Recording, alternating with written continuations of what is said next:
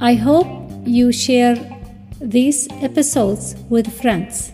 أتمنى أن تشاركوا هذه الحلقات مع الأصدقاء. شكرا. Thank you.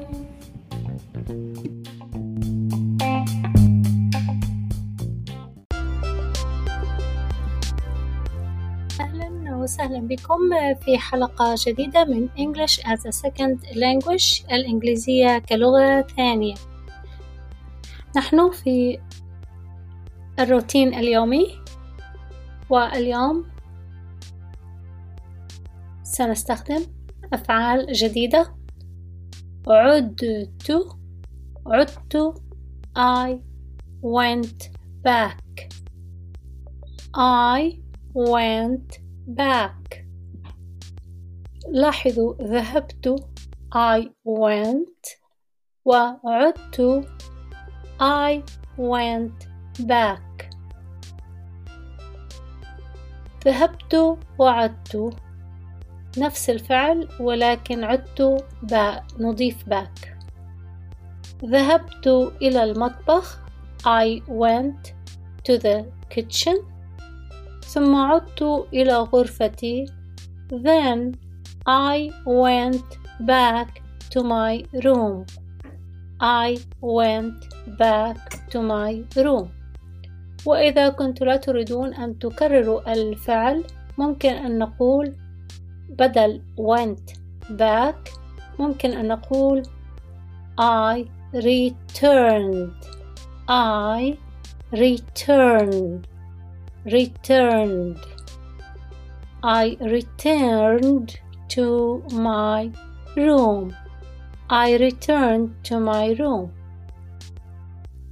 my room غرفتي غرفتي جلست على مكتبي I sat at my desk هنا كلمة desk هي مكتب وليست مقعد. نحن تعلمنا حين تعلمت الإنجليزية كلغة ثانية علمونا desk هو المقعد. ولكن هنا في أمريكا يستخدمون كلمة desk كطاولة الدراسة أو مكتب الدراسة كطاولة.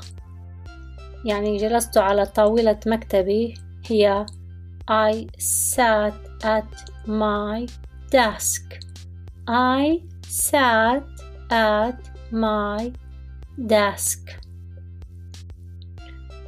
الروتين اليومي استيقظت الساعة الثامنة صباحا I woke up at 8 o'clock in the morning. I washed my hands and my face in the bathroom. I washed my hands and my face in the bathroom. يعني غسلت وجهي ويدي في الحمام. ثم ذهبت إلى المطبخ. Then I went to the kitchen. Then I went to the kitchen.